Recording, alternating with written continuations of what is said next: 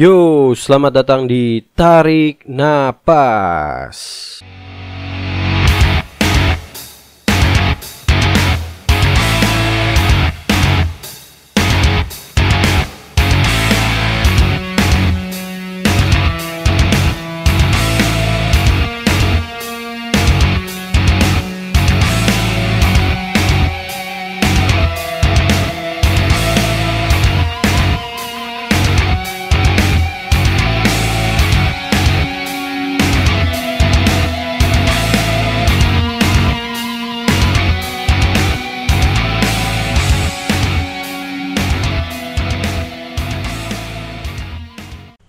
Ya, hari ini gua bersama seorang guru dari salah satu sekolah dasar, yaitu Taufik Rahmat. Wede.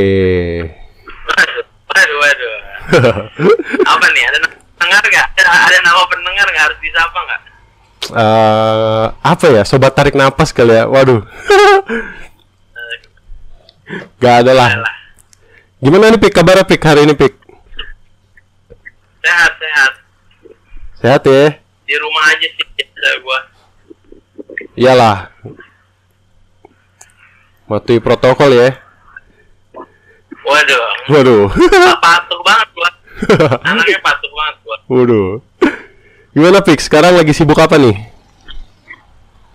Gua lagi sibuk nungguin kerjaan sih. Gua tuh ngajar tapi kayak nggak ngajar. Ngajar tapi kayak nggak ngajar. Waduh. Iya. Jadi kayak di, di rumah tuh hilang gitu feel ngajarnya kayak kayak nganggur aja gitu. Tapi lu kayak lagi seneng bikin-bikin video gitu, Pik? Video-video iklan gitu ya? Maksudnya? Video-video di Instagram gitu. Produk. Oh, iya itu butuh duit tambahan. Butuh Oh. duit tambahan. itu lu ikut event atau gimana, Pik, ceritanya? Gua, gua, uh, like, gua tuh apa uh, sering lihat website. Websitenya itu dia sering ngasih info ada lomba apa enggak gitu. Oh. Kebetulan ada lomba terus gua rasa kayaknya masuk nih. Terus gua bikin aja. Tapi tapi keren Butuh sih. duit lagi butuh duit. Ta- tapi keren sih bisa bisa relate gitu ya sama skripnya. Ya iyalah. keren keren keren. Walaupun kenyataan belum tentu.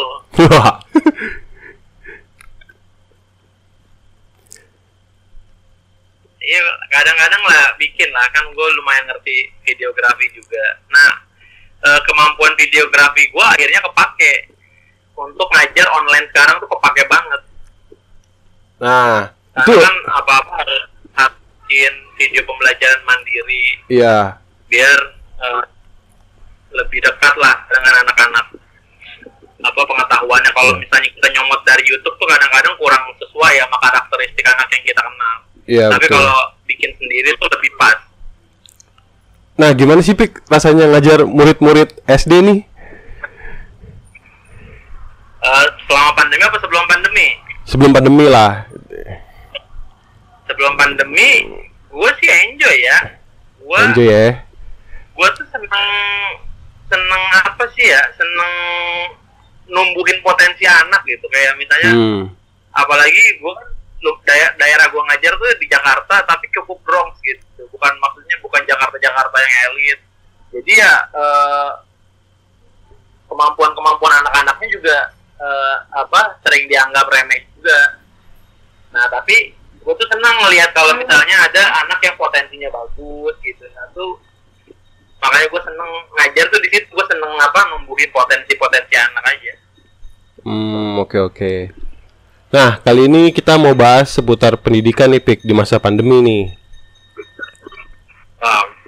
Nah, Oke. di era pandemi gue bukan expert juga ya Jawab jawabannya mungkin sedikit ngelantur ya Ya, ini ini gue minta sudut pandang lu aja, Pik. Sudut pandang lu aja Nah, gitu. iya ya sudut pandang Ya. Nah, di era pandemi ini nih, Pik, kan pemerintah menerapkan sistem pembelajaran jarak jauh nih. Menurut lu efektif nggak sih diterapkan di pendidikan kita ini? menurut gua ya mau nggak mau Mau nggak mau ya? karena kalau nggak ya pembelajaran Iya betul pembelajaran nggak nggak berlangsung ya mau mau nggak mau eh, belajar seadanya belajar semampunya disiap-siapin walaupun belum siap ya mau nggak mau harus tetap terlaksana gitu kegiatan belajar mau gimana pun caranya Iya biar nggak terhenti juga ya. Iya, makanya nah, tapi ya menurut gua kalau misalnya gua kalau misalnya gua ukur gitu ya eh, kesigapan pemerintah tuh pas pertama pandemi nongol menurut gua itu lumayan bagus, lumayan sigap kebijakannya eh, untuk sekolah gitu. Terus eh, langkah-langkahnya kayak misalnya kan di TVRI itu pertama-tama tuh mem- ngebantu banget Iya iya. eh, ada ada pembelajaran-pembelajaran yang di apa TV nasional tuh dijadiin tempat untuk ngajar gitu. Iya. Apa dia jadi nyediain apa tayangan-tayangan edukatif gitu di TVRI selama selama pandemi ini. Itu langkah awalnya tuh menurut gua pas pertama-tama pandemi itu eh, bagus gitu. Nah tapi gua nggak begitu ngelihat ada ada langkah-langkah signifikan lainnya setelah pandemi udah agak lama tuh menurut gua sih nggak begitu banyak terobosan-terobosan baru aja akhirnya ya mau nggak mau balik lagi ke eh, apa kreativitas sama eh, keinginan guru masing-masing gitu tapi Hmm. kalau langkah langkah besarnya menurut gua nggak begitu kelihatan aja pas udah di mungkin karena banyak persiapan yang gua nggak tahu gitu ya maksudnya belum nyampe turun ke bawah Iya, Di iya. atasnya lagi digodok gitu kebijakan-kebijakannya tapi belum sampai ke bawah. Gue sih nggak nggak begitu tahu. Tapi yang paling berasa sih di awal-awal tuh gue ngerasa efektif. Apa maksud gue lumayan sigap pertama-tama pandemi keluar tuh Heeh. eh, kebijakan sama sistem yang dibikin tuh lumayan lumayan berasa. Tapi setelahnya gue sih agak agak nggak begitu ngerasain. Hmm. Nah, sebagai seorang guru nih, Pik, ada nggak sih kendala saat menjalankan sistem pembelajaran jarak jauh ini, Pik? Ada. Kalau kalau gue sih kalau gue kendala tuh yang pertama yang menurut gue paling pertama itu eh, karakteristik anaknya. Maksudnya background keluarga anak tuh kan beda-beda ya. Iya, betul. kalau di tempat ngajar gua tuh yang tadi gua bilang agak Bronx gitu kan kalau Iya. di Jakarta. Itu tuh ya banyak kan menengah ke bawah.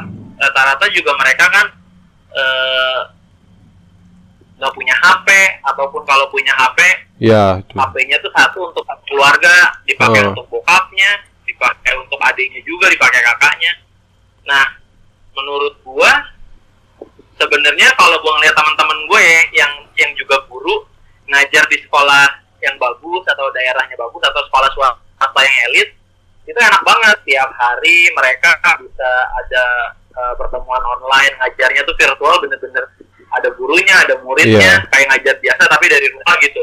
Ada tatap mukanya walaupun eh, daring gitu. Nah kalau di daerah-daerah yang agak kurang menurut gue tuh nggak bisa kayak gitu. Nah itu yang kesian.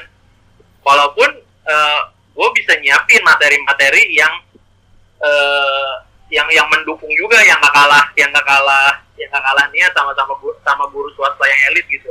Tapi akhirnya nggak bisa digunakan karena ya tadi eh, apa eh, background background per- apa background lingkungan tempat gua ngajar tuh agak susah Jadi keterbatasan teknologi gitu ya. sarana dari HP orang tuanya kuota internet peserta didik itu tuh ngaruh banget menurut Iya, betul, betul. yang yang yang cukup menghambat sih di situ kalau menurut gue ya Oh. sisanya sih karena udah hampir setahun gue sebagai guru sih udah bener-bener beradaptasi. Maksudnya gue udah bikin pembelajaran online tuh ya sebisa mungkin tetap menyenangkan. Oh. tetap memudahkan gitu. Tapi ya balik lagi kadang-kadang nggak bisa diaplikasikan karena background atau apa kemampuan anak untuk mengakses internet mengakses pembelajaran yang gue berikan tuh kadang-kadang nggak nggak sesuai sama bahan yang gue siapin. Jadi gue sering banget akhirnya ya udah deh bikin yang sederhana aja. Yang penting bisa diakses bisa digunakan sama anak-anak padahal kalau misalnya kita pengen idealis kita pengen pengennya mewah pengennya bagus sih menurut gue banyak guru yang udah siap udah bisa tapi Heeh. kesian anaknya anaknya nggak nggak nggak bisa nggak bisa ngaksesnya Ya, itu nah. sih menurut gue yang paling berat tuh Jadi keterbatasan teknologi Kendalanya juga ya. iya ke apa ke keterbatasan kemampuan anak peserta didik mengakses bahan ajarnya Iya. Dari Nah. internet atau dari, dari gadgetnya Ya. Nah, ada juga nih Pik yang bilang kalau selama pandemi ini guru makan gaji buta nih Pik. Kayak ngasih tugas habis itu selesai. nah, gimana tuh menurut lu Pik? menurut gua itu kalau menurut gua ya itu gurunya itu sih kalau gua ngajar tuh yang paling penting tuh murid kalau gua ya Heeh. jadi mau gua capek kayak gimana pun prioritas gua tuh murid ngerti nggak sih sama yang gua kasih? Atau murid tuh belajar hal baru nggak hari ini? Nah menurut gua kalau ada kan itu yang dibilang gaji buta tuh guru yang cuman ngasih tugas gitu kan. Nggak ada nggak ada bahan ajarnya atau nggak ada nggak ada nggak ada penjelasan awalnya nggak nggak nggak bikin. Kalau kita nyebutnya apa ya persepsinya gitu. Nggak nggak nggak ada jembatannya tiba-tiba langsung ada tugas aja nggak ada jembatannya Iya. gitu. Itu juga kadang menurut bikin gua- murid kesel juga ya. gua gua sih gua sih ada beban moral di situ ya untuk untuk untuk mengakomodasi eh, jembatan tadi jadi gua Iya. nggak bisa tuh ng- ngasih tugas gitu aja tapi ya gua sadar banget pasti banyak guru-guru yang sekedar ngasih tugas kayak gitu Jadi nggak Menurut gua sih uh, iya jadi nggak nggak nggak kesian muridnya masih banyak juga yang kayak gitu Oh, tapi ada ya berarti ya. ada banget ada Waduh. banget di Jakarta juga ada maksud gua di Jakarta yang dengan maksudnya yang, yang diharapkan tinggi kan gaji gaji guru di Jakarta kan gede Iya. untuk yang PNS untuk yang PNS kalau bukan PNS mah kecil untuk yang PNS tapi tapi kadang-kadang uh, gaji yang dia terima sama output yang dia berikan tuh Heeh.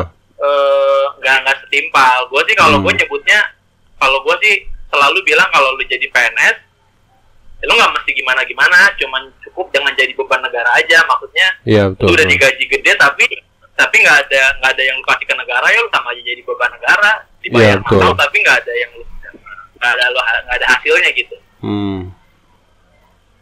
tapi pasti masih banyak yang kayak gitu ya solusinya eh, pemerintahnya harus bisa mengakomo- mengakomodasi yang kayak gitu gitu tuh Iya sih kayak harus difilter gitu Baik ya. pembelajaran secara menyeluruh atau bisa ngasih pem- pembelajaran secara menyeluruh gitu? Bahan aja setiap hari untuk sekolah dasar tuh sama atau Indonesia. Dibikinin nama negara gitu satu video pembelajaran. Atau ya dibikinin apa dikasih pelatihan yang yang benar-benar intensif buat guru-guru untuk bisa ngasih apa ngasih pembelajaran yang lebih baik. Sama harus diawasin terus karena kalau karena yang yang kurang tuh pasti pengawasannya Iya sih benar kurang pengawasan juga kalau sih. misalnya pengawasannya benar langsung ketahuan pasti kan nggak ada lagi kejadian guru ngajar yang cuma ngasih tugas Hmm. Nah, kalau dari lu sendiri nih Pik, sebagai seorang guru, gimana mensiasati sistem pembelajaran jarak jauh ini Pik, biar mudah dan sampai kepada murid Pik? kalau gua yang paling penting tuh ya tadi gua bilang tuh gua semuanya balik ke murid lagi karena gua tahu kondisi murid-murid gua tuh yang namanya kuota terus HP tuh belum tentu ada sehari penuh Heeh, betul. Tadi cuma ada pagi doang atau malam doang bapaknya pulang kerja baru dia eh, Bisa pakai HP gitu ya. baru dia punya baru punya waktu untuk eh, belajar gitu Heeh. gue sih permisif banget ya sebagai guru nggak nggak ada nggak ada nggak ada nggak saklek gitu nggak kayak eh harus murid tuh jam segini jam segini belajar terus mulai tugas harus jam segini gue sih nggak sama sekali kayak gitu ya Iya. gue asal murid tuh ada mau ada keinginan ada keinginan untuk belajar aja gue udah bersyukur. Terus yang gue lakukan ya gue sesuaiin semua itu. Gue bikin Hmm. video pembelajaran gue render tuh. Apa gue bikin kualitas videonya tuh se se efektif mungkin. Kecil tapi masih jelas gitu gambarnya. Tapi kuotanya Hmm. nggak gede-gede banget. Nah itu agak repot tuh gue harus render terus bolak-balik. Iya. saya nemu eh, kualitas video yang kualitas video yang pas gitu biar anak-anak iya. nggak rugi di kuota gitu. Sisanya menurut gua gua cuma gitu-gitu doang sih. Ajar juga nggak nggak bagus-bagus amat sih. Iya. tapi ya itulah gue balik lagi yang jadi utama bagi gue tuh pasti murid. Murid itu butuh apa terus apa Iya, yang bisa gue yang gue bisa berikan gitu. Sama gue nggak nggak nggak maksa nggak tahu apa. Gue permisif banget sih jadi guru kayak ya udah deh eh, kalau emang nggak bisa ya udah nggak apa-apa Ya, jadi balik lagi ke muridnya ya. dia punya kemauan untuk Hah? Iya, balik lagi ke muridnya juga ya. iya yang penting gue bisa nggak gue ngasih apa gue menyediakan gitu Heeh. gue menyediakan terus juga gue mengarahkan udah gue ngerasa tanggung jawab gue eh, beban moral gue untuk memberikan itu tuh besar jadi gue harus ngasih nggak bisa tuh gue tiba-tiba cuma ngasih tugas doang nggak ada ininya gue nggak bisa Heeh. Nah, kemarin juga kan kita baru dapat kabar nih Pik dari pemerintah. Kalau pada bulan Juli ini sekolah udah Ya. mulai dibuka nih Pik. Nah, menurut lu setelah dibuka ini Ya. sama nggak sih Pik kayak dulu lagi atau ada beberapa aturan baru Pik? menurut gue pertama pasti bertahap nggak nggak semuanya langsung Iya, betul. Eh, nggak semuanya buka sekolah tuh pasti ya dari SMA nah yang gue takut ya gue kan guru SD Iya. Eh, murid SD kan nggak nggak divaksin ya jadi kalau murid SMA kan masih bisa divaksin Iya. kalau murid SD tuh nggak bisa divaksin kan Heeh. masih terlalu kecil atau apa nggak nggak nggak nggak nggak ada, nggak ada di dosis usianya gitu Heeh. menurut gue pasti SD itu masih lama kalau misalnya SMA apa Jun- Juni atau Juli nanti SD mungkin ya akhir tahun baru kebagian masuk gitu Oh, lama juga Terus ya. kalau yang lu tanya kalau yang lu tanya ada kebijakan baru atau hal yang berubah ya pasti Pasti ada ya. kalau misalnya yang gue dengar dengar nih yang gue dengar dengar pasti yang pertama itu pembelajaran jadi blended maksudnya pembelajaran tuh nggak nggak nggak semua murid masuk tapi gantian Jadi Oh. misalnya satu kelas tuh ada empat- ada ada 40 orang Heeh. 20 20 tuh gantian Oh, 20 gantian. murid misalnya absen 1 sampai 20 hari Senin nanti dia hari Selasanya belajar di rumah terus gantian yang hari Selasa yang masuk tuh yang absen 21 sampai 40 Oh, gitu ya. Shifting ya. Iya, nah menurut gue yang harus lebih siap itu gu- gurunya. Oh. Karena gurunya harus ngajar dua kali. Iya, betul. Ngajar online iya, ngajar offline juga iya. Jadi tantangan Dia baru buat guru ya. Iya, nah kalau gurunya nggak disiapin ya kacau lagi. Iya, benar-benar. Pembelajaran nggak efektif pasti. Pembelajarannya nggak efektif. Nah, tapi Pik di satu sisi di satu sisi nih Pik. Menurut Hmm. menurut gua ada beberapa murid yang memang menantikan sistem pembelajaran jarak jauh ini Pik. Misalkan Maksudnya, jadi dia senang gitu belajar online. iya, ada beberapa murid kayak gitu. Kan kalau sekarang kan kita lihat Ya, kayaknya murid-murid pengen banget gitu ke sekolah gitu ya kan. Tapi kalau menurut gua ada beberapa Iya. murid yang ada menantikan juga yang pengen di rumah ya. Iya, misalkan siswa korban bullying nih, Pik. Oh iya iya iya. Kita kan sama-sama tahu lah ya kalau sekolah itu salah satu tempat terjadinya bullying. Karena mereka Ya, ini betul. pasti nggak pengen gitu ketemu sama siswa lain yang mungkin sering ngebully mereka. Makanya malah kadang ada murid yang Ya. nggak mau sekolah karena sering dibully temennya gitu, Pik. Soalnya Iya. kadang mereka tuh kayak nggak bisa cerita ke orang tua mereka gitu tentang apa yang dialami di sekolah. Jadi ya mungkin sistem pembelajaran jarak jauh ini menjadi sebuah impian bagi mereka lah, karena bisa belajar tanpa harus ketemu dengan siswa-siswa yang lain, pik. Iya. Lagi memangnya siswa yang sering ke sekolah itu berapa persen sih pik yang benar-benar serius belajar gitu? Oh, gue nggak tahu juga sih. Tapi menurut gue yang paling itu kalau misalnya eh, semua tuh pasti tetap berat kan. Kalau untuk orang-orang susah tuh. Kalau misalnya kalau misalnya anak SD gitu ya, anak Iya. SD sih